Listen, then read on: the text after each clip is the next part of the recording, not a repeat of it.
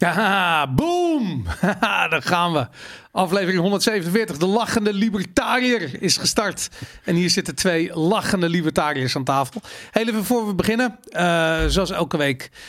Na deze aflevering, dus als het uur voorbij is, gaan we door op vivavalentine.com voor alle bazige bazen. Dat zijn onze tribe members die ons supporten met een bedrag wat je zelf kunt kiezen. Uh, dan ga je naar vivavalentine.com, schrijf je in, wees een bazige baas. En um, ja, dan, dan houden we van je. Want jullie maken deze podcast mogelijk. Shout-out naar de vader van Ruben. Die ik uh, sprak op de zwemles van mijn dochter. Die baas is geworden. Ik zag het voorbij komen. Super vet. Jongens, we houden van jullie. Iedereen die een bazige baas is, maakt dit mogelijk. Fantastisch. Goed, en nu gaan we het hebben over lachende libertariërs. Heerlijk, mijn favoriet onderwerp. Het is toch geweldig? Ja. Nu snappen we mensen ook waarom ik altijd begin met haha boom. Ja, van, de boom is duidelijk, maar wat is dan die haha? Het is de kracht van de lach. De lachende libertariërs, de haha boom. En dat werd uh, afgelopen week uh, op majestueuze wijze um, uh, geïllustreerd door een dame. Ik ga de naam, ik ga er even bij pakken, maar ik ken de naam niet uit mijn hoofd. Beatrice de Graaf. Beatrice de Graaf is het inderdaad. Zij is hoogleraar geschiedenis van de internet van de internationale betrekkingen in Utrecht. Daar doet ze dat. Um, even kijken, ja, we kunnen het artikel er gewoon bij laten, ja. bij laten zien. Zij heeft een column in het NRC geschreven en dat, die column die is getiteld Er wordt te veel gelachen.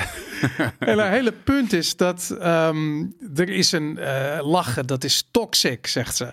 Want daarmee, um, ja, de humor werd gebruikt door de fascisten om aan de macht te komen. In Italië bijvoorbeeld, de Tweede Wereldoorlog, voor de Tweede Wereldoorlog. Ja, ze, ze doen een hele analyse van een soort van geschiedenis van, de, van humor. Ja. Dat humor vroeger blijkbaar iets, iets, um, iets slechts was. Dat, dat deed je niet, want je moest het leven was te serieus om uh, humor te gebruiken of zo. Ja. En ze zegt dat we nu, uh, dat we nu in een grappigheidscultuur beland zijn.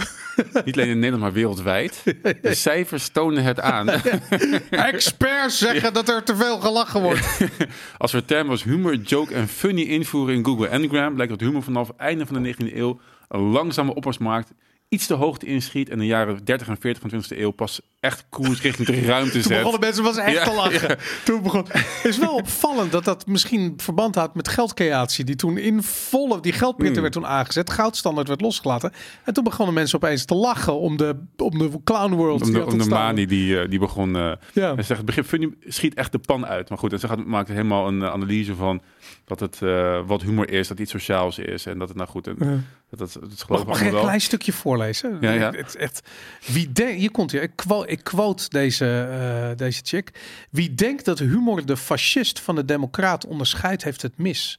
De grappenmakers van nu zijn de fascisten van toen. De aantrekkingskracht van fascisten in de jaren 30 was hun humor. What the fuck? De manier waarop fascisten, extremisten en terroristen anno nu aanhangers recruteren is via grappig bedoelde memes die de superioriteit van de eigen in-group bevestigen en de out-group ridiculiseren en soms zelfs demoniseren. What the fuck? Zij is toch, je bent toch volledig gestoord als je dit uit je pen krijgt. Ja. Dat je zegt van de, de humor, dat is iets dat, dat kenmerkt extremisten en terroristen en fascisten. Dan ben je toch ten eerste dat je. Het is zo krankzinnig ver gezocht. En wat zo voor de hand ligt, is dat op dit ogenblik de establishment zo ver weg is gedreven van de realiteit. Dat wat ze doen is gewoon te krankzinnig voor woorden. Ja. Soort van, jij moet je vaccineren om mijn oma te beschermen. Want Ja. anders ben je voor mij een bedreiging. En ik heb het vaccin al genomen, dus het vaccin werkt niet. En de stomzinnigheid van, je kunt er alleen maar om lachen. Zo Ja. dom is het. Het is te stomzinnig, te, te stomzinnig ook om nog gewoon normale argumenten tegen in te brengen. Dus wat moet je dan doen? Ja, daarom, inderdaad. Je moet er gewoon om lachen. En, maar het is ook dat ding, de left can't meme. Ja, ja. Weet je, dat, en dat is het hele ding. Dat deze revolutie, en daar, ik denk dat ze daar wel gelijk in heeft. Deze revolutie wordt succesvol gedragen door humor. Mhm. En daarom, dat is, dat is exact mijn probleem met, met eigenlijk alle ehm, eh, nieuwe, moet ik zeggen tegenwoordig, niet alternatieve mediakanalen die zijn Mhm. opgekomen na corona. Daar zat heel veel paniek in, weet je. En misschien Ja. hebben wij dat in het begin ook wel gedaan. Een soort van, oh nee, de overheid wordt te machtig en, en ze worden te sterk. Maar het ding is, op het moment dat je erom begint te lachen, dan verdwijnt het. Mhm. Dat is hoe je de egregore te lijf gaat. Ja. Door erom te lachen. Aha. Het maakt het belachelijk. Het ontneemt letterlijk alle kracht uit, uit, uit, uit de egregor die ontstaan is. Weet je, die, die spirituele entiteit die, eh, die gecreëerd is, vooral met angst. Angst voor de overheid. Angst. Het is gewoon, die mensen zijn het niet waard om bang voor te zijn. Het, Hmm. is, het is namelijk echt om te lachen. En je moet het ook niet serieus nemen. En deze Beatrice, die, ehm, ja, die weet gewoon niet wat humor is. Zij is de meest ongrappige persoon van Nederland. Ik denk dat we een award zouden moeten uitdelen oh, aan niet grappige mensen voor totaal gebrek aan humor. Dan zij absoluut met stip op één. Zij is de Karen van de lage Ja. landen. het is echt, ik vind het bizar. Hoe krijg je het voor elkaar? Maar ik vind het wel mooi, want jij, wat jij zegt, dat vond ik het mooi van het artikel. Los dat het natuurlijk helemaal eh, losgezongen is van enige vorm van eh, realiteitszin. Is het wel ook een. Ze, ze pakt iets vast ehm, wat macht heeft. Ja, ja, tuurlijk. Wat- wat wij- humor is ja. ontzettend krachtig. Waar wij natuurlijk ook al vaak over hebben. eh, eh, en wat je net zelf schetst. ehm, ook probeert te doen met, het, met, met de podcast. Het, het aan de kaak stellen en het ridiculiseren van macht. En Ja. machthebbers eh, om die macht juist eigenlijk op die manier ook een beetje naar beneden te krijgen. En in ieder geval in de beleving van de mensen dat, dat wat minder groot te maken. En dat werkt. Dat heeft ze duidelijk gezien dat dat werkt. Maar en het werkt niet met humor. wat werkt niet met humor? Dit wat zij doet, dat werkt niet met humor. Dus je, Wat zij, doet. Ja, ze, Ja. ze probeert. Je, dat bedoel je toch te zeggen dat door middel van. ehm, eh, eh, als, je, als je humor wil afbreken, dat je het gaat benoemen. Nee, ik bedoelde meer. Ik was gewoon. Nee, ik bedoelde eigenlijk gewoon dat ze er heel scherp ziet dat wat, wat er heel veel gebeurt nu. Wat denk ik eh, al, altijd gebeurde. ehm, ik vind het heel grappig dat ze dat memes aanhaalt. Want dat, Mhm. ik zie vaak een vergelijking tussen ehm, wat er nu gebeurt eh, en de Amerikaanse revolutie. Exact. Dat was een meme-oorlog. Het was een meme-oorlog in de zin van, ja, ze hadden pamfletten en ze spraken af in kroegen. En zo werd dat, eh, werd dat groot. Ging dat leven onder de mensen. En Ja. is het eigenlijk dat een hele beweging geworden. En dat zie je nu ook, nu weer met memes. En dan heb je, nu heb je digitale kroegen waarbij mensen samenkomen en ook hun onvrede uiten en praten over hoe kunnen we het dan anders gaan doen. Dus Ja. ze, ze heeft denk ik heel scherp, door, wel heel scherp ehm, gezien dat er een beweging plaatsvindt die haar wereldbeeld bedreigt. Dat- Die haar woke linkse... Ja, we lachen om klimaatverandering. We lachen om de ma Maar het is interessant, want als je. eh, kijk, zij is niet gek. En eh, wat je doet. Niet, in- alleen. Nee, niet alleen, ze is ook gek. Maar, maar wat, je, ehm, eh, wat je doet als je bijvoorbeeld iemand zijn. eh, wat een heel succesvolle communicatietechniek is. Stel je voor, jij bent ontzettend boos op me. Je staat tegen me te schreeuwen. En ehm, dan zou de logische reactie zou zijn dat ik terug ga schreeuwen. Weet je? En dan op dat ogenblik ben ik in jouw domein van woede. Mhm. En het is lastig om daaruit te komen. Weet je? Maar wat een heel effectieve eh, communicatietechniek is. Door te beno- door jouw staat te benoemen. Dus ik zeg van, Robert, ik zie dat je heel erg boos bent. Op dat ogenblik, in dat, binnen dat domein, heeft jouw boosheid geen effect meer. Mhm. En zij probeert dat met humor te doen. Maar het stom is, daar werkt het niet. Want als jij mij uitstaat te lachen en ik zeg van, ik zie dat je humor toepast. Ja. het werkt niet. Weet je, Dat is ook heel grappig, ja. Ja, humor, de humor staat je dat niet toe. Ja. Want humor is altijd krachtiger. En dat is zo mooi. Ze probeert dat hier van, hmm, ik zie dat ze humor toepast. Ja, ja. Zo fout. ja. Er staat ook, eh, even kijken hoor. Eh, ze wil dan ergens mee afsluiten. Gunt u mij de humor om in, de krant, om in deze krant af te sluiten met dominee Baan. En, die, en de quote is: Waardige humor berokkent de ander geen pijn. Maar zet het onder, over, maar zet het onder overtollige zwaargewichtheid gebukt gaande leven van ons in de ontdekkende schijnwerper van de eeuwigheid. Jezus, Nou, dat dat is humor, hè? Ja, Dat precies. Ja. maar het is ook wat, wat ze dus zegt. Is, is, bij haar gaat het dus om, dat zegt daarna no- nog wel. Oftewel, als u nu, nu, als u nu nog durft te lachen, dan graag om uzelf. Ja, ja, precies. Ja, lachen om anderen niet lachen. Ja. Dat, is, dat is uit en boze. We lachen om Beatrice, want dit is, eh, zij is de, eh, absoluut de winnaar van de, eh, van de Zuurpruim Award 2024. Dit mens heeft geen humor. Hier is, we kijken nog eventjes. Beatrice de Graaf, hoogleraar geschiedenis van internationale betrekkingen in Utrecht. Ongelooflijk. Ik, eh, ik heb nog nooit zo'n humorloze eh, column gelezen. Ik vind het echt bizar. Ik vind het wel grappig ook in die column, eh, als je hem online terugziet, dan refereert ze naar allerlei onderzoeken die er ooit gedaan zijn. Ja. Een daarvan is inderdaad dat er een relatie zou zijn aangetoond in een of onderzoek tussen de opkomst van het fascisme in Italië in de jaren 30 en humor die gebruikt werd door de blijkbaar door de fascisten die terugkeerden van het front. Hmm. Waar natuurlijk allemaal soldaten uit de Eerste Wereldoorlog die keerden terug van het front. En die namen daar een soort humor van mee. Dat wordt dan verondersteld. Hmm. Vervolgens wordt het in hetzelfde onderzoek direct weer onderuit gehaald. Want er valt eigenlijk niks aan te tonen. Want humor is natuurlijk ontzettend ongrijpbaar. Mhm. En je kunt helemaal niet zeggen van ja, alleen fascisten gebruiken humor. Ik bedoel, iedereen gebruikt humor. Weet je, ik bedoel, wc-papier zou je ook kunnen zeggen. Wel, het werd in de jaren 30 door fascisten gebruikt. Ik weet, Ja. als dat al bestond. het werd door iedereen gebruikt. Weet je, het is, zo'n Goldwyn, eh, Hitler was vegetariër. Dat ja, zoiets. maar dat soort shit, inderdaad. Ja. Ja. weet je, dus alle vegetariërs zijn, zijn fascisten. Ja. Maar goed, dus dat soort, dat soort gezochte argumenten heeft ze. Het is echt heel weak. en eh, ik denk dat het eh, niet meer dan redelijk is als we eventjes gaan kijken naar ehm, een prachtige, ehm, eh, een prachtige, eh, een, een prachtige dit. We gaan gewoon even kijken. Er zit geluid bij eh, voor de regie. Flu shot, then a booster, then another booster. And I'll say, you know, people are starting to die. Where'd you hear that? what are you, one of those conspiracy theorists?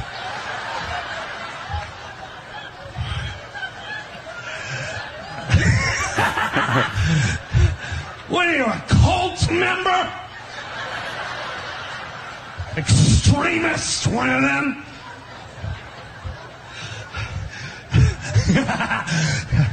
Here in the NFL,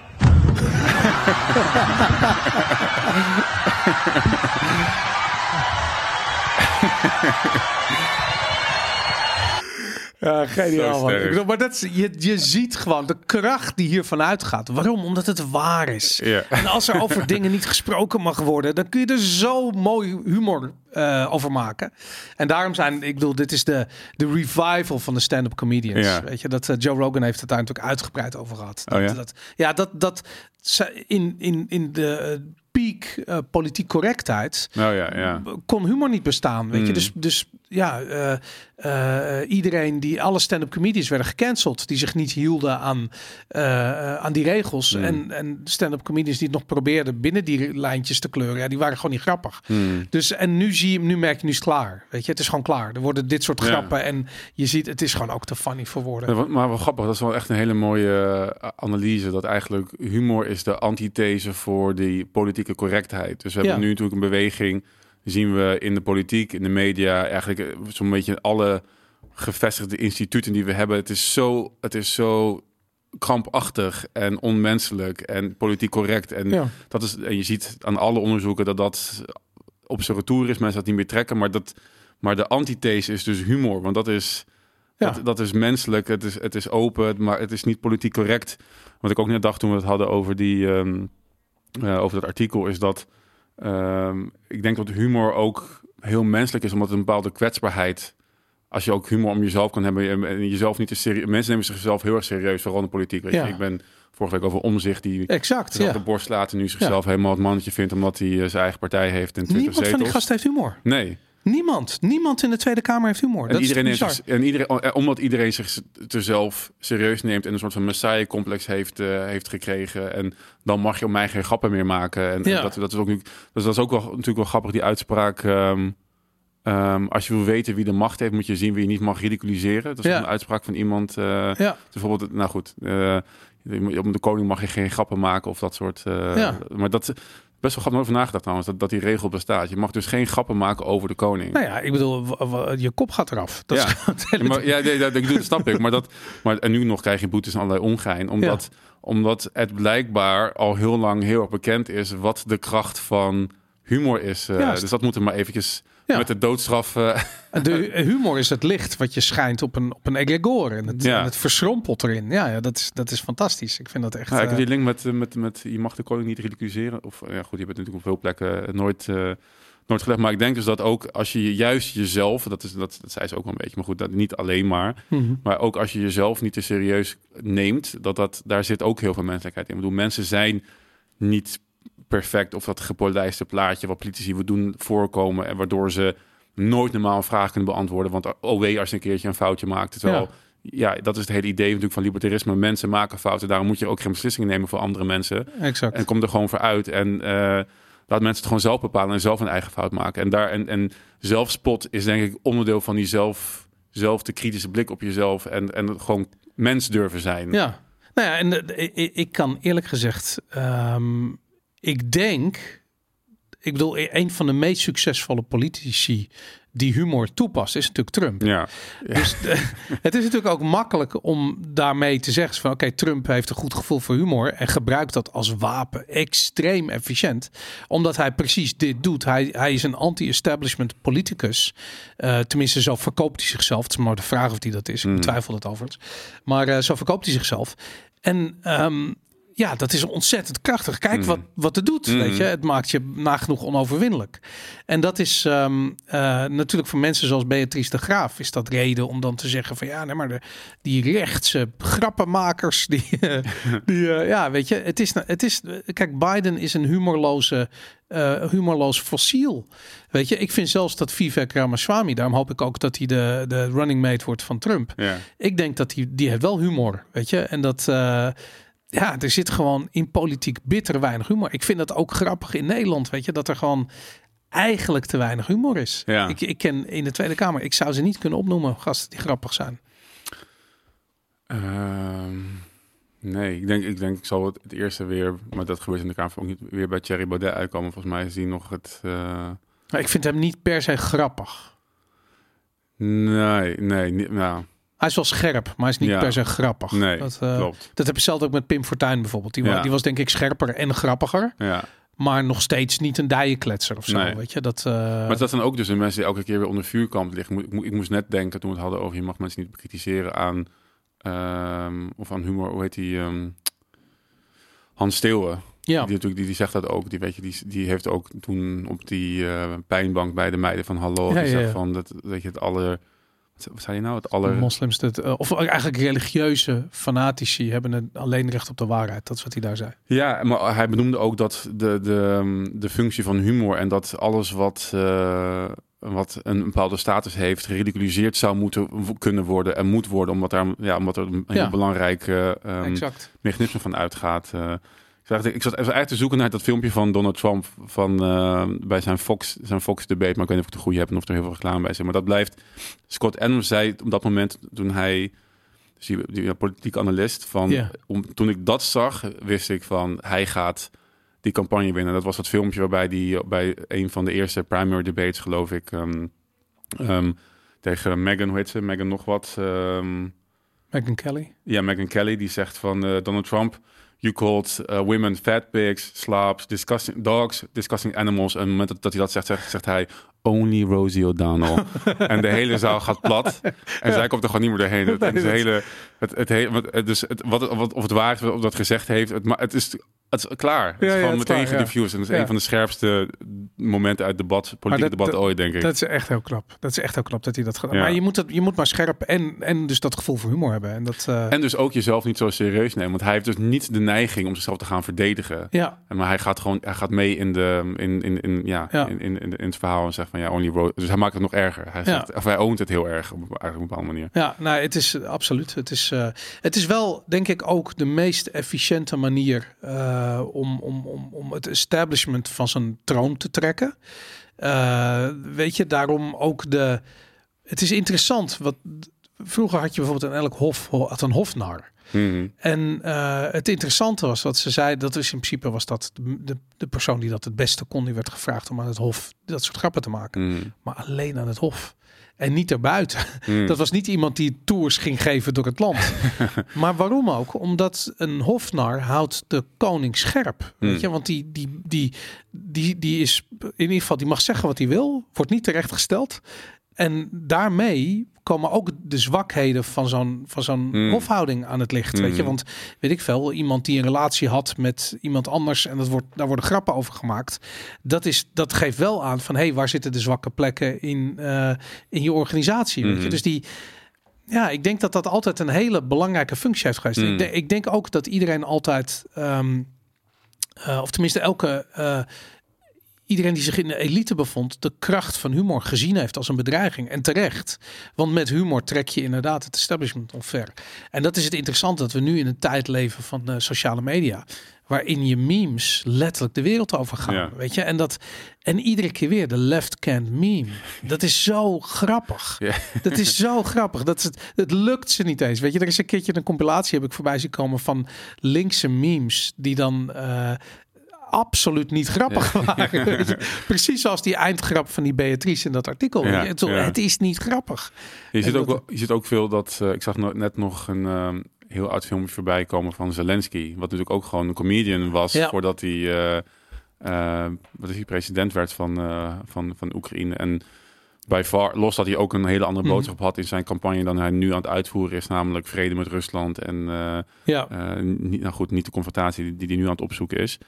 Eh, maar goed, ja, die gebruikte ook, die is door humor is hij zelf bekend geworden en is hij ook uiteindelijk met een hele grote overwinning president van Oekraïne geworden. Ja maar van, hij past nu geen humor meer toe. nu niet meer, nu is het echt een, echt een eh Veel te serieus, ja, Ja. ja. Daarom. Maar hij, bedoel, dat is gewoon, hij heeft die humor vervangen met. Ja. Weet je, dat, Ja. eh, dat is dag indirect. Ja, maar echt. Maar nu zie je tranen, eh tranen trekkende specials bij. Heb je dat gezien op CNN? Dat hij bij CNN. ehm Nee. toen tijden van het eh, Tucker Carlson interview van Poetin en iedereen daarover ging zeiken. Voordat het uitkwam Ja. al, eh, zeiden mensen, eh reageerden andere mensen weer, maar waar heb je het over? De, ehm, als je kijkt naar wat de gevestigde media doet, de governed media, Ja. die zitten gewoon hele ehm, dwepende exposés te maken van Zelensky. En zie je Zelensky loopt dan met eh, een van de chick en die doet dan heel, ja, die zit dus op, bij, bij- bijna bij hem weg te zwijmelen en van ja, kan je nog wel muziek luisteren? En ja, wat voor muziek hou je dan van? En hoe, wat hoe kom je de dag heen en zo? En dan weet je echt, echt zo, zo heel, en hij heel gepijnigd die- en hij like ACDC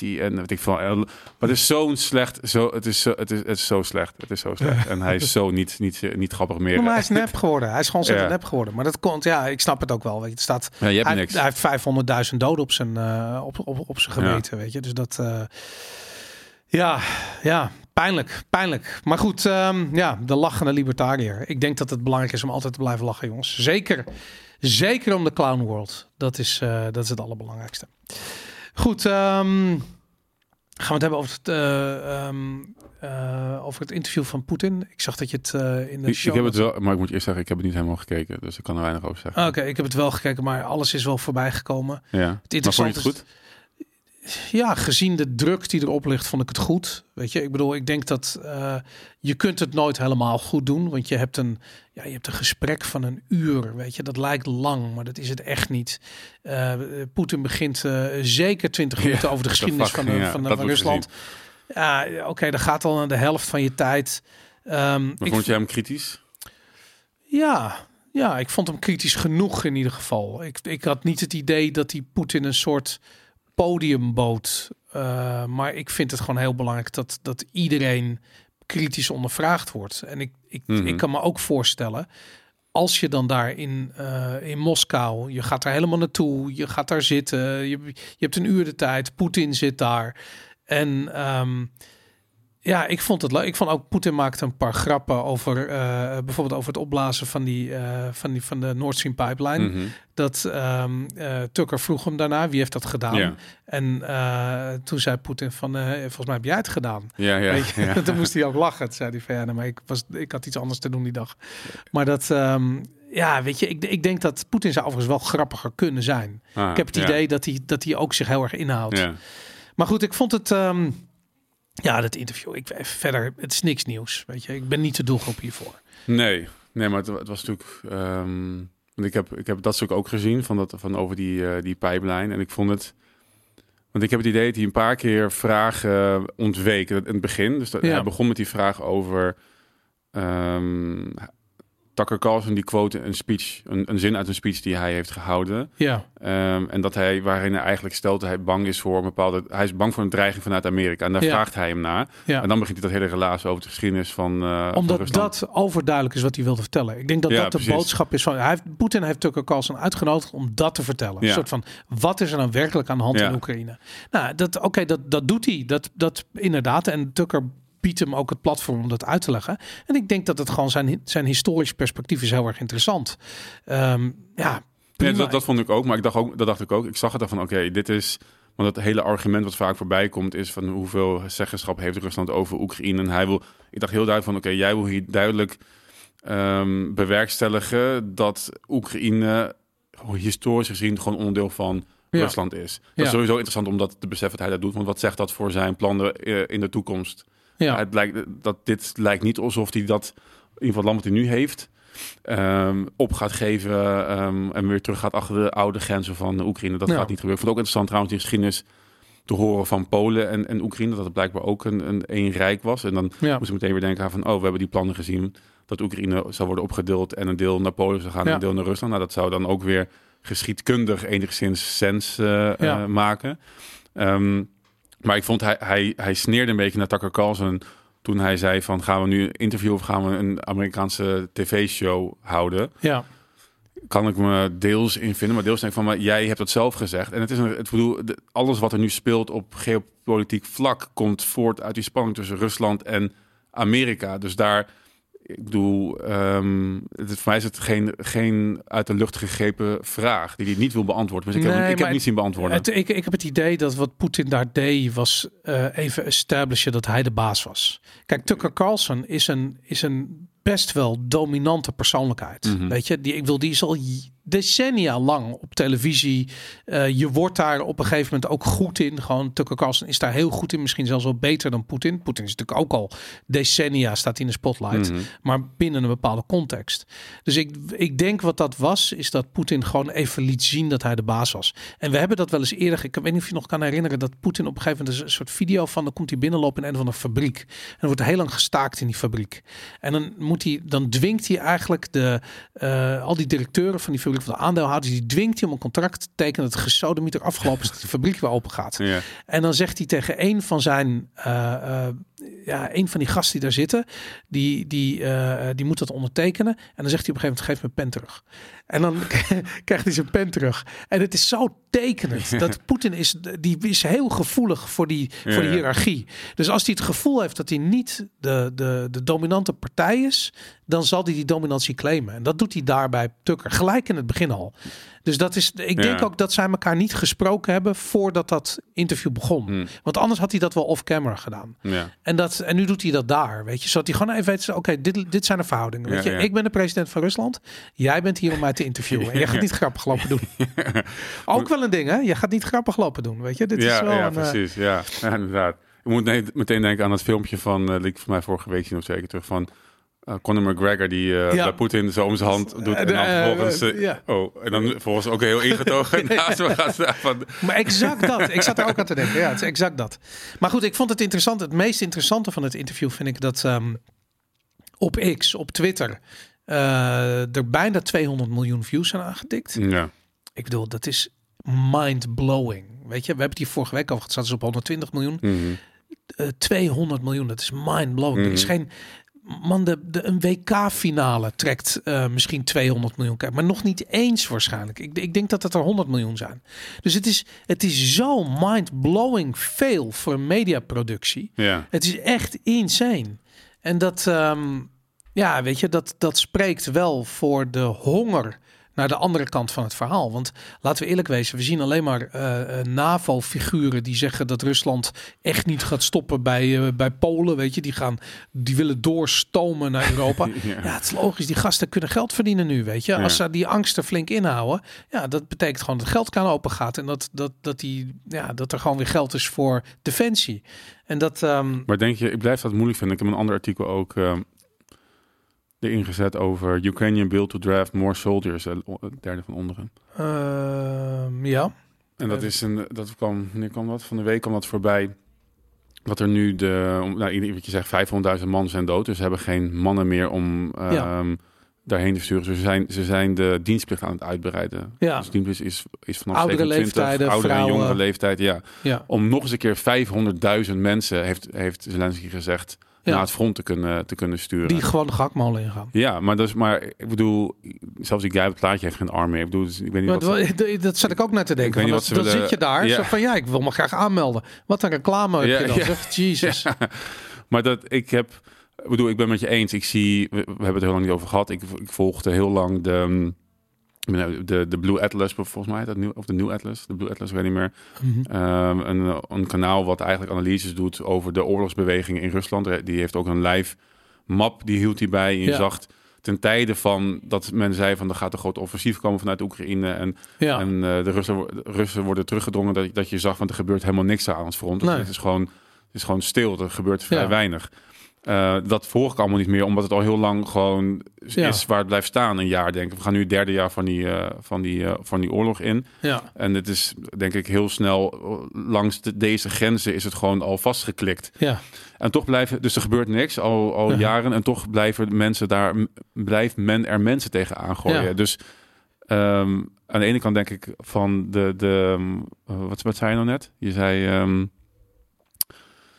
ehm, van, eh, ja, dat, ik, dat, het is klaar. Maar aan de ene kant denk ik van, zij zien dat toch ook. Maar het is, ze zijn nog steeds bezig met die, met die Ja. beweging te, te, te pushen. Ja, maar omdat daar gewoon heel veel geld zit. Zelensky is gewoon geld aan het verdienen. Hoe langer die, die oorlog is voor hem een moneymaker. En niet alleen voor hem, Ja. voor de hele minis- eh, militair-industrieel complex. Dus dat, eh, eh, ja, het is gewoon één grote gelddiefstal van de bevolking, zowel van Europa als van Amerika.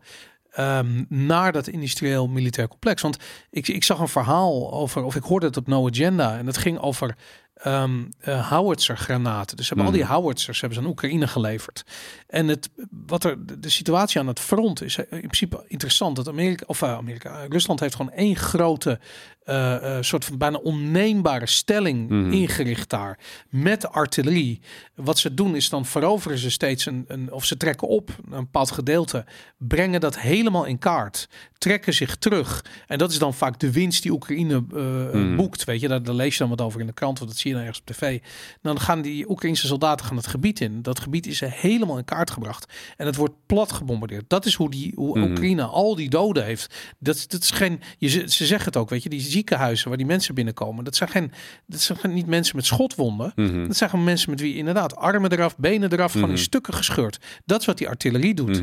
Dus die, ehm, je komt daar helemaal niet in de buurt, weet je. En al dat ge- gelul over, ja, dit dorpje valt of dat dorpje Ja, terug ja. veroverd. Dan weet je van, oké, hierna gaan ze weer allemaal gakmolen in. Ja. Dat is, en dat is gewoon ja, ook heel openlijk duidelijk wat er aan de hand is. Mhm. Weet je? Dat, een vriend van me die zei van ja, je, de reden, er is een reden waarom je geen mobiele slachthuizen hebt. Want je zou zeggen van het is toch veel makkelijker om die koeien allemaal af te slachten in, die, Mm. in het land waar ze staan, bij wijze van Ja. spreken. Maar de reden dat je dat niet hebt, is dat mensen het niet willen zien. Dus er wordt een eh abattoir gebouwd ergens waar je verder niet zoveel eh, eh, zicht op hebt. En ehm, dat is waar die koeien gewoon allemaal ingaan. Die ziet het niet. Nou, dat Mm. is wat, wat Rusland hier. Die heeft gewoon een abattoir gebouwd Ja. voor Oekraïense jonge mannen. En nu ook vrouwen zometeen. En het is gewoon te wansmakelijk voor woorden. Ik hoop echt dat die Zelensky wordt opgepakt voor oorlogsmisdaden of iets in die richting. Nou ja, niet alleen Zelensky, maar, maar ook, eh, eh, hoe heet die, eh, Victoria Nuland. Ja. Weet je, zij heeft het. Zij is echt de, de angel of death. Mhm. Zij is degene die is daar gekomen. Als, als Victoria Nuland in je land komt, dan moet je oppassen. Mhm. Weet je, dan heb je echt een probleem. En zij, ja, zij is gewoon de, eh, de spokesperson van het Amerikaanse eh, eh, militair-industrieel complex. En dat, ja, Ik zag ook een ehm, filmpje voorbij komen van Joe Rogan. was alweer, of nou, ook weer een oude clip. Die had het nog over die bioweapons lab. En die had daar Ja. ook en zijn gast, ik weet niet meer wie het was, die ehm, liet ook een artikel zien die, ehm, eh, die, die stelde of die liet zien dat dat, er werd natuurlijk gezegd dat het onzin was, maar er zijn ook gewoon krantartikelen geweest die ook bevestigen van ja, er wordt daar ook onderzoek gedaan naar Ja. verschillende zaken. Maar hij stelde dat ehm, de reden is dat Amerika dus dat ehm, eh, zo'n vredesdeal afhoudt, omdat eh, Poetin zou meer informatie hebben over wat er daadwerkelijk gebeurde in die bioweapons lab. En ze moeten kost wat kost, moet dat allemaal kapot zijn eh, voordat er vrede kan komen, omdat anders maar het is al kapot, toch? Poetin heeft alles opgeblazen. ja, ja, wellicht. Maar ik weet niet. Ik weet, er was iets. Er zat in. Ik heb niet. Het was een heel korte clip. Ik heb niet helemaal, helemaal ehm, goed onthouden. Maar er zit een. Zat een, hij zegt er zit een reden achter dat, er- dat er geen vrede kan komen. En het, het bewijsmateriaal wat er nog ligt omtrent die biolabs. Maar goed, ik, ik zal hem volgende week even uitzoeken. Wat Het, het, het, het precies zou kunnen. Hetzelfde geldt voor de. Ik, ik denk eerlijk gezegd dat de Amerikaanse presidentsverkiezingen een grote rol in spelen. Ik denk Hmm. dat Biden zometeen vrede gaat eh, bewerkstelligen daar. Die gaat, dan, en die gaat dan alle eer daarvoor nemen. En ehm, ja, ik denk dat het is flinterdun. Iedereen ziet hoe de vork in de stel zit. Hij is die oorlog begonnen. Of hij, weet je. Ik bedoel, de man is seniel, weet je. Er is gewoon gebruik van gemaakt. Maar Maar, maar vanuit zijn kamp is die oorlog begonnen. Ehm, ja, er is, eh, weet ik veel, 200 miljard in totaal vanuit Amerika richting defensie gaan. Wat ik wilde vertellen over dat verhaal van No Agenda is dat Mm. Eh, een, ehm een howitzer-granaat wordt dus geleverd aan de Oekraïne voor 5000 dollar. Dus de 5 en de 7000 dollar. Mhm. Die wordt ingekocht in Bulgarije, want daar wordt heel veel munitieproductie in Bulgarije voor 500 dollar. Dus dit is Maar wie dis- koopt het dan in? eh, Amerika of- eh, ja, Amerikaanse wapenleveranciers die Ja. kopen dat in aan Bulgarije en verkopen het aan Oekraïne. Ja, Wie betaalt ervoor? De Amerikaanse belastingbetaler. ja. Dus alles wat aan Oekraïne eh, wordt geleverd gaat tien keer over de kop. Weet je, dat kun je. Dat is hoe de scam werkt. Maar dat is, maar dat is dus ook. ehm, maar dat was ook het verhaal dat bepaalde contracten werden opgeblazen vanuit Oekraïne zelf. Dus dat, dat ze heel veel betaalden voor eieren of zo, geloof ik. Ja, was bijvoorbeeld een verhaal. kunnen, ja, ja. En dat had weer te maken volgens mij met die corruptie in de top van Oekraïne. Dat, ze, dat, ze, dat, er, dat zijn dan weer bedrijven van de, van de Oekraïnse elite die dus zou verdienen met die oorlog. Ja, tuurlijk. Ja. Maar goed, maar dat is dus los van wat jij nu stelt. Dus dat, ja. Dat ja, want als je dan hoort van. Raytheon dit doet bijvoorbeeld. Weet Ja. dat doet? Sorry. Nee, ik weet ook niet wie het doet. Maar, maar als je dan. eh, kijk, je, je, je hoort dan zo'n bericht van. Oké, Oekraïne krijgt, eh, weet ik wel, 50 miljard. Ja. En dan denk je van. Dat gaat er 50 miljard naar Oekraïne. Dat is niet zo. Weet je, er gaat voor 50 Verkoopwaarde. miljard aan wapens naar Oekraïne. En die worden ingekocht. Maar het vertegenwoordigt in werkelijkheid 5 miljard inkoopkosten. Het gaat tien keer over de kop. En eh, ja, dat geld blijft voornamelijk in Amerika. Ik kan er gewoon niet bij dat dit soort dingen. We hebben net voor de opname ook weer van dat soort. eh, Dit soort openlijk gewoon corrupte Het is gewoon dingen. corruptie, ja. En, en dat niemand hier. Dat niemand.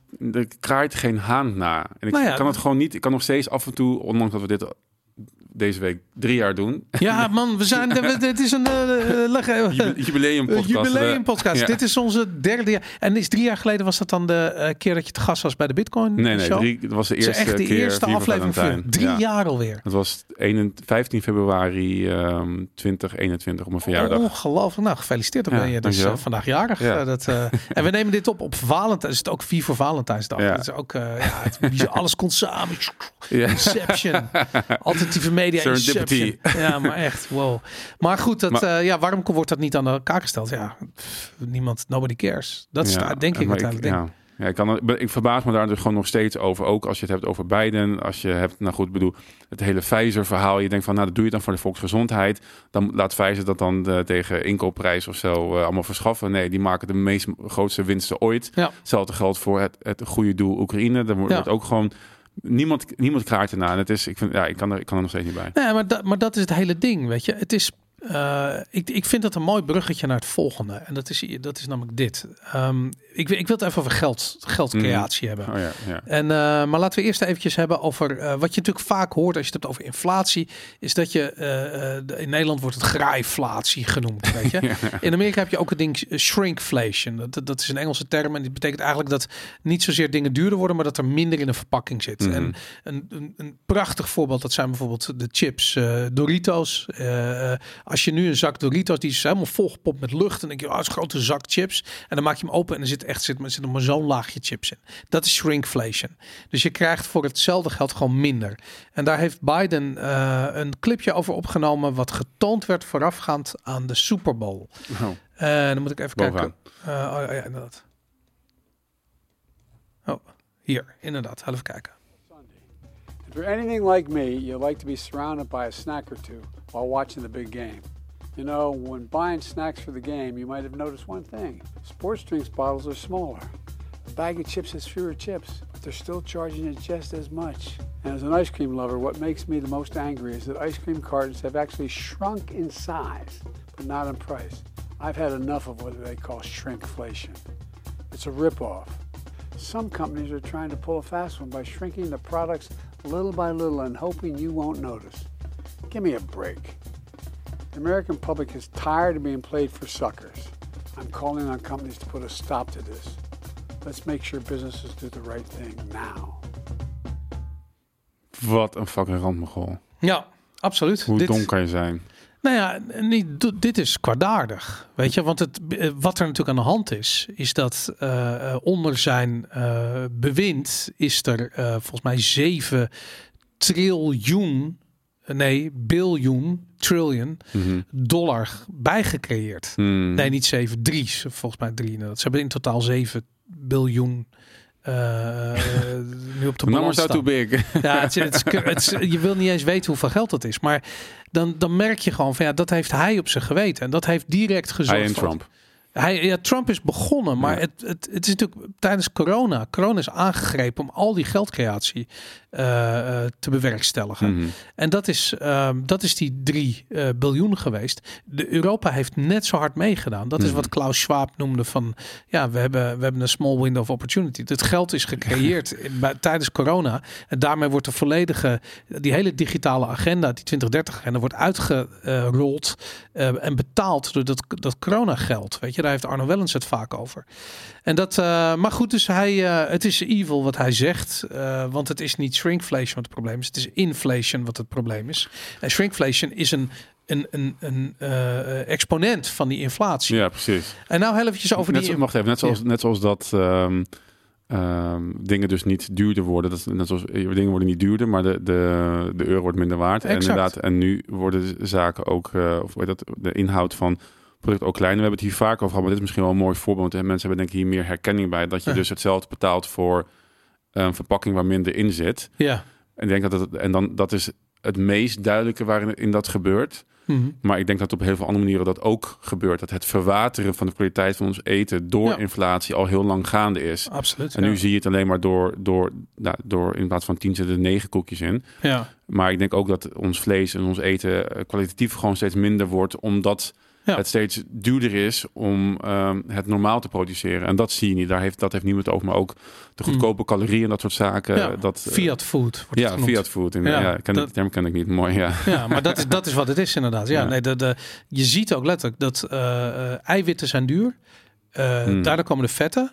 En het goedkoopst zijn de koolhydraten. Ja. En daarom zie je dat al het bewerkte voedsel voornamelijk bestaat uit koolhydraten. Mm. Weet je, en er zijn ook nog andere factoren. Dat op een gegeven moment vet kreeg de schuld van Ja, de, eh, hoog cholesterol. Inderdaad, en toen kreeg je de suikerlobby eh, en die, die had het bedacht. Dus toen ging er suiker in, eh, eh, hoe heet het, in voedsel. En toen kreeg je het gezeik met Cuba, waar ongeveer al het suiker vandaan kwam. En toen kregen we glucose, fructose, stroop uit, Oh ja? eh, uit dat Canada. daarom? Dat kwam daardoor Ah. inderdaad. En dat kwam dat in het eten terecht. Nou ja, en het, het verschil is, je hebt een heel mooi plaatje hier. Laat, ik, ik dacht, even kijken waar die staat. Ehm, ehm, oh nee, deze is het. Uit 1970. Ja, is ja, het straatbeeld uit 1970. Het is in New York is dit. Dan moet je kijken man, niemand is te dik. Iedereen die hier loopt heeft gewoon een gezond postuur. Ja, ja. En dat eh, zonder uitzondering. Dat ik van ja, dit is het straatbeeld in New York. Moet je nu kijken, weet je. Mensen kunnen amper meer lopen zo dik zijn ze. En dat komt daardoor, weet je. Dat komt gewoon door Fiat Food. Dat de kwaliteit van voedsel is achteruit gaan. Koolhydraten zijn toegenomen, eiwitten zijn afgenomen, vetten zijn ook afgenomen. En dat, ehm, dus ja, dat is een andere vorm van shrinkflation eigenlijk. ja, en ik wil, Gewoon voedselkwaliteit. we hebben het er best vaak over, maar ik blijf, ik, voor, me, voor, me, voor mijzelf is dit, denk ik, ehm, het afgelopen, wat is het, jaar, denk ik, jaar, twee jaar misschien, ben ik daar steeds meer van doordrongen geraakt. Het, het, hoe, Het sociale effect van inflatie. ja, het, hoe, Ja. maar dus hoe veelomvattend de effecten van inflatie zijn. Los Ja. van dat, dat, los dat de, de prijs, dat dat is wel een heel groot component en die, groter ook dan ik vroeger dacht, maar dit soort sociale, maatschappelijke effecten van inflatie, daar heeft niemand het ooit over. En die zijn misschien nog wel schadelijker dan, eh, dan het prijseffect. Of net Nou zo schadelijk. En wat bijvoorbeeld, wat, wat heel interessant is, bijvoorbeeld de link die er is voed, tussen voedselkwaliteit, of eigenlijk het gebrek van voedselkwaliteit en eh, psychische aandoeningen. Ja, En dan zie je opeens van één ding wat consistent is sinds de 1970 is niet alleen dat mensen veel dikker zijn geworden, Mhm. maar ook dat mensen veel meer psychische problemen hebben gekregen. En dat het, dat het de hoeveelheid antidepressiva gebruik exponentieel is toegenomen. Mhm. Bijna net zo expo- exponentieel als we zien bijvoorbeeld bij de hoeveelheid diabetespatiënten. Of Mhm. de, eh, eh, weet ik veel, de, de, de, de BMI van, eh, ehm, eh, van de gemiddelde mens. Weet je, dat is allemaal echt explosief gestegen. Mhm. En dat heeft met geld te maken. Ja, Mm. Dat is te bizar voor woorden. ja. Maar goed, dat, eh, eh, dat brengt ons bij het volgende. We hadden het meest krankzinnige eh, clipje kwam voorbij van de week. En ehm, ehm, de man heet, even kijken, ik heb zijn naam Oh, ja. Hoe heet hij? Alfred nee, sorry, hij heet Adrian Orr. En hij is de gouverneur van de eh, centrale bank van Nieuw-Zeeland. En hij had een Zoom-call. En daarin zegt hij het volgende. Het is fantastisch. Luister even goed. Het geluid staat wat zacht, dus dat moet, moet wat harder gezet worden. know, the fiscal challenges, etc., that are there. So, um, uh, very focused on being cost effective. We actually fund ourselves and then work out what dividend is needed to pay. So, um, we kind of a, it's a great business to be in central banking. Um, you Print money and people believe it, and um, and um, and uh, touch wood. What the fuck? Ik wil hem nog één keer horen, want Ja. hij, hij- hij- we gaan hem nog een keer luisteren. We print money and people believe it. Nog een keertje. you know, the fiscal challenges, etc., that are there. So, um, uh, very focused on being cost effective. We actually fund ourselves and then work out what dividend is needed to pay. So, um, we kind of a, it's a great business to be in central banking.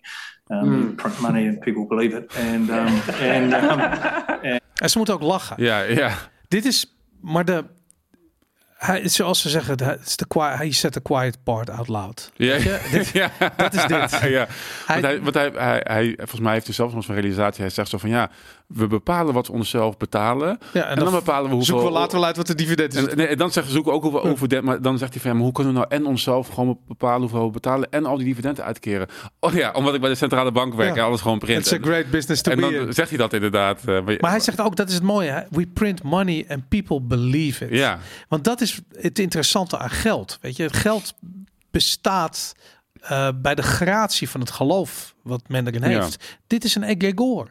Geld is een egregor. Het heeft geen waarde meer. Het vertegenwoordigt niks. Het is een idee wat Mhm. op zichzelf is is ons of eigenlijk is gaan bestaan. Het is zijn eigen leven gaan leiden.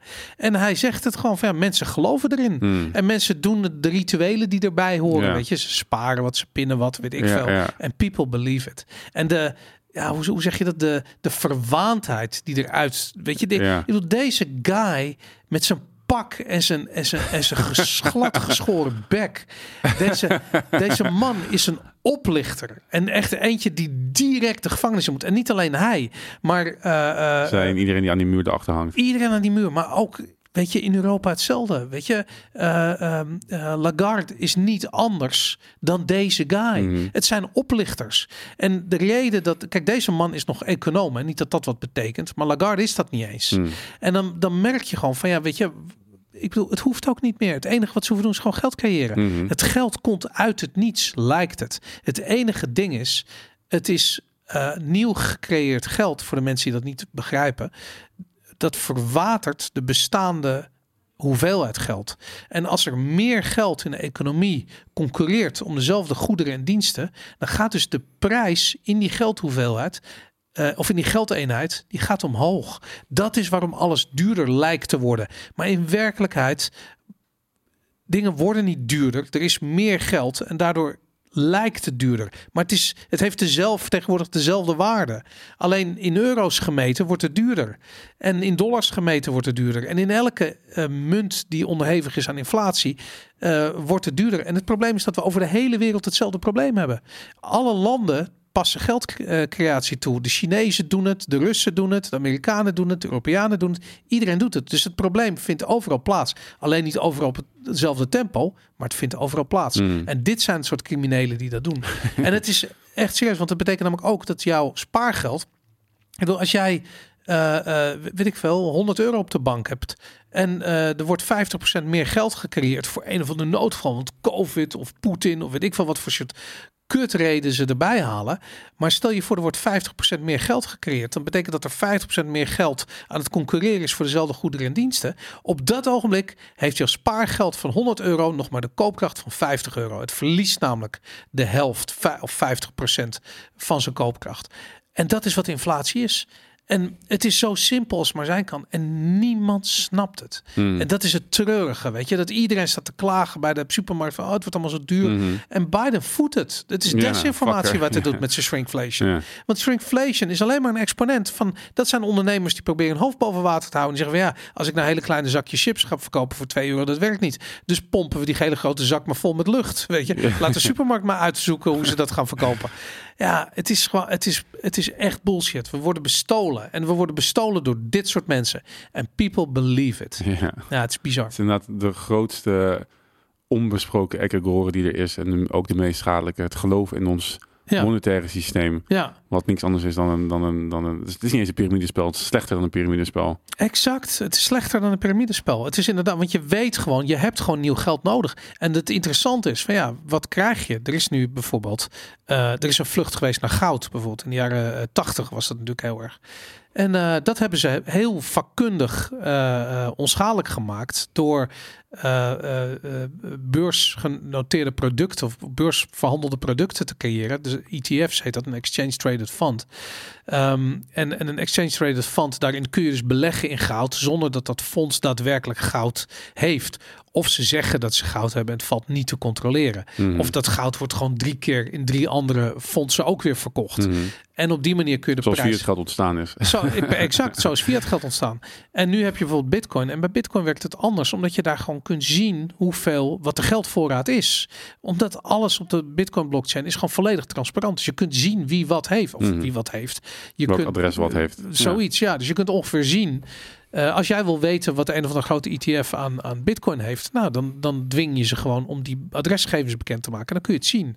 En meestal doen ze dat zelf ook, omdat ze gewoon Ja, ook moet zeggen, geloofwaardig zijn, willen Er zijn. zijn toch een aantal ETF's die het gedaan hebben. Ja, exact. Ja. Dus dan, ja, weet je, ik, ik denk gewoon van dit is, en dit vind ik ook mooi, omdat die, die bitcoiners zijn heel goed in die memes, weet je. Die zijn Ja. heel goed in dit soort gasten uitlachen en eh, eh, met humor eigenlijk dit systeem ondermijnen. Daarom is die bitcoin community is zo, eh, die loopt echt kilometers voorop op, Ja. op de gemiddelde eh, Nederlander, weet je. Mm. Dat, eh, dus alleen daarom al, weet je, ik bedoel, ik zeg niet steek al je geld in Bitcoin, absoluut niet. Het is, ga niet lopen speculeren, dat gaat het allemaal niet doen, weet je. Maar, maar verdiep je in sparen, weet je. Probeer, weet ik veel, als je een tientje overhoudt aan het eind van de maand te sparen, steek het in iets wat de overheid niet bij kan creëren. Mhm. En dan ben je gevlucht van deze gekken, weet je. Laat het op de bank staan en je bent verloren, want ze, ze, ze stelen het Dus van je. het gaat sowieso minder worden. Ja. Ja. Weet je zeker dat het eh, minder waard wordt elk jaar. Ja, dat is een garantie inderdaad. ja. En bijkomstigheid, als je dan in bitcoin investeert en het gaat lekker zoals nu de komende tijd weer, dan kan je nog harder lachen om alle memes die voorbij komen. Wat ik vanmorgen heel hard heb Heb je hard gelachen? Ja, Van alle mooi. memes. Ja, ja. om nieuwe, de, de nieuwe, wat is dat? Ja, goed, niet altijd heim, maar nieuwe koers. eh, komen de memes weer links en rechts om mijn oren. Ik vind het, ik vind het hilarisch. Heel goed, nou mooi. Ehm, even kijken. Ja, daar in het verlengde daarvan. Oh ja. Eh, natuurlijk deze. Nee, wacht even. Nee, oh. de, Biden. De, boven Biden. Even kijken, waar is Biden? Oh ja, deze kwam voorbij. Ja. Ja. Dit, eh, Wat was dit? Nou, de- deze ogen, ehm, laser eyes, dat is eigenlijk een meme die door bitcoiners gestart zijn in 2020, 2021 denk ik. Iedereen die dit op zijn profielfoto heeft, die is een bitcoiner. En het idee was eh, laser eyes, want je hebt een laser focus. Je wordt niet afgeleid door, door de noise, door de, Ja, door, ja. door de ruis die Oh, er ja. overal is. Je hebt een laser focus op bitcoin en hard geld. En het idee was, iedereen houdt dit in zijn profielfoto totdat bitcoin 100.000 dollar waard is. Laser eyes till 100k. En dat, eh, ja, het is eigenlijk een beetje een oude meme, maar iemand heeft een, eh, een soort meme gemaakt van Biden. Dit heet Dark Brandon. En die Ja, zou... dit, dit is toch geen meme? Dit heeft hij zichzelf gedaan. Nee, nee, nee. Hij heeft dit genomen van iemand die dit gecreëerd heeft. Ja, oké, maar hij heeft het wel op zijn eigen account geplaatst. Nou, niet hij, maar iemand die voor Biden werkt. Iemand die nog, iemand die nog cognitieve... cognitieve eh, status ja, een Twitter post te plaatsen heeft dat gedaan. Ehm, niet wetende eh, waar dit allemaal om staat, maar dit zou, dit ging erover dat hij een soort van ja, de toekomst voorspelt slash creëert. En het ging over de Super Bowl, dat hij eigenlijk soort van de, de winnaar al voorspeld had. Ja, het is een beetje misplaatste Twitter post. Ik denk dat ze proberen grappig te zijn zoals Trump dat is. En Ik eh, moet zeggen, dit is echt, ik moet echt helemaal nadenken. Ik snap echt helemaal niet wat hij wilde doen hiermee. Eh, dit is linkse humor. Weet je, dit is gewoon ver gezocht. Net als dat artikeltje van die chick. Weet je, het is ver gezocht. Het is niet grappig. Het is niet. Het, het, het- er is geen context die grappig is. Er wordt niet de draak gestoken. Het is, het is gewoon weird. Ja, en, en onnavolgbaar. Ik snap echt niks Ja. van het verhaal. Ik dacht, ik snap het niet. Ik dacht, die guy wil, ehm, wil, wil, goed, de bitcoin gaat natuurlijk, wat ik zeg, gaat nu weer heel hard omhoog. En het, Daar heeft en dit is- niks mee te maken. En dacht hij wil die community een beetje uit. Dacht hij, wat ik dacht, hij doet. Ik had een tweet, tweet geplaatst. Imitation is the sincerest form of the- that mediocrity can pay to greatness. Ja, ja, ja. Met mijn eigen foto van mijn billboard dat ik laserijs heb eh, met- tijdens Vet. de LP-campagne. ja, tof. eh, Dat is vet, ja. eh, en ik dacht, hij, doet, hij dat, doet dat nu ook, maar dat, hij had geen idee wat hij aan het doen was. Dus. Nee. Zoals altijd. Zoals altijd. Nee, dit is gewoon, ik weet het niet. Vergezochte shit. Maar goed. Dat dus. Gaan we nog eventjes hebben over mensen die niet meer rond kunnen komen? Yes. Even kijken. Live. Veel mensen met laag inkomen eh, en een auto komen in de problemen door de klimaatmaatregelen.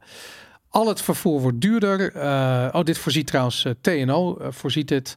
Ehm, ja, prijzen van accijnzen gaan omhoog op brandstof. Ehm, we, gaan, we zien eigenlijk overal de kosten voor autogebruik toenemen. Misschien wel straks rekening rijden. Dat soort dingen worden ingevoerd. Neem niet weg dat ook gewoon het openbaar vervoer steeds duurder wordt. Ehm, Ja, het ging met name om, om mensen, dat zegt hij, het gaat om totaal 113.000 tot 270.000 huishoudens die een laag inkomen hebben en tegelijkertijd veel kilometers rijden. ja. Dus het betreft eenoudergezinnen woonachtig in middelgrote steden in de regio of op het platteland. En dat is nou goed, dat, daar heb je sowieso minder goed openbaar vervoer, omdat alles ook gewoon wijder Ja. verspreid ligt. En nu, ja goed, het is niet nieuw, het is bekend, eh, maar toch alweer interessant dat zo'n instituut als TNO dat dan ook eh, onderzoekt, publiceert en dat het eh, Ja. de normale media Nou ja, links zal er niet naar eh, luisteren, want klimaatmaatregelen zijn belangrijker. Rechts roept dit al jaren. Klimaatmaatregelen zijn belachelijk. Ehm, en het is een manier inderdaad om mensen niet mobiel te houden. Eigenlijk dwingen om meer richting de stad te gaan. Daar in de buurt te gaan wonen. Zodat het 15-minute city idee natuurlijk Mm. eh, eh, ehm, ja, effectief uitgerold kan worden. Ehm, en ja, dit is helemaal een reden om weg te gaan uit de stad en te proberen zelfvoorzienend te zijn buiten de stad. Dan heb je hier niks meer mee te maken. Het is Mhm. vervelend als je, weet ik veel, als jij ergens buiten de stad woont en voor je werk naar de stad moet of richting de randstad of weet ik wel iets dergelijks. Ja, dat is inderdaad gewoon super duur. Ik bedoel, Mhm. het is al duur. eh, Brandstof is al duur. Ehm, maar goed, ja, je gaat, je gaat dit soort dingen krijgen. En het is vervelend, want je gaat ook. eh, eh, kijk, als je weinig verdient, dan krijg je waarschijnlijk ook geen auto van de zaak. Weet je, als jij een goede baan hebt, ja, natuurlijk krijg je een auto van de zaak. Weet je, dan, dan maakt het allemaal niet uit. Dan krijg je een tankpas erbij en whatever, lekker belangrijk. Maar als je, dat, als je niet een goede baan hebt, ja, dan ben je, ben je zuur. Weet je, Mm. dan, eh, dan moet je dat zelf betalen. En dat, is, dat gaat duurder en duurder worden. Ja, lastig. ja, kappen ermee. Kappen ermee. Inderdaad. Mooie eh, woorden om eh, deze eh, 147ste drie jaar anniversary aflevering van Vivo Valentine mee af te Ik sluiten. heb nog één ding, was ik in, ding. in het begin vergeten. Ja. Helemaal ongerelateerd van wat we besproken. Maar 12 maart, de Free Market Roadshow. Oh, hij is terug. Vet. 12 maart. 12 ja. maart. Ik had het in de extra twee weken geleden al aangekondigd. Ja. eh, en we hebben nu ook een locatie. Dus het is in de OBA Oosterdok in Amsterdam. Dat is naast Amsterdam Centraal. Vet. Eh, aanmelden is gratis, eh, maar plaatsen zijn beperkt. Hoe beperkt? Ehm, ja, dat hangt volgens mij best, best fors nu. Max 200 geloof ik. Ah, Eh, dat vind ik dus nog wel meer- veel. meer dan, waren er eh, 50 of zo. ja, iets van, iets van 80 hadden we Ah, Oké. Ja. Hey, en wie spreekt er? Eh, ja, Chris, het zijn allemaal mensen uit de libertaire internationale beweging. Chris Lingwon, Per Byland. En die gaan hele mooie verhalen vertellen over waarom libertarisme het antwoord is, antwoord is op Agenda 2030. Vet. Nou, ik, eh, ik hoop erbij te zijn. Wat is dat voor dag? 12 maart? Dinsdag. Het is een dinsdag. Oké. Om zes uur is de inloop in de avond. nou, fantastisch. 12 maart. Ja. De OBA in Amsterdam. Naast het Centraal Station. Aanmeldlink staat in de beschrijving. Oké, vet. Meld je aan en kom naar de Free Market Roadshow. Goed, dit was eh Vivo Valentine eh, voor deze week. We gaan door op vivovalentine.com. Nog een heel uur. Daarin gaan we onder andere eh, bespreken wapens uit de ruimte. maar ook, wat hebben we nog meer? Chilenen die een dak blauw schilderen. Ehm, eh, Duitse crisis. de crisis in Duitsland, daar moeten we het echt even over En hebben. toch nog even over de formatiedebat. En de formatie. Ja, dat omzicht. Toch nog even over omzicht. Goed, dat en misschien nog wel meer in de extra van zometeen. Eh voor nu, tot ziens. Als ik je niet zie bij de extra, dan zie ik je volgende week. Doei.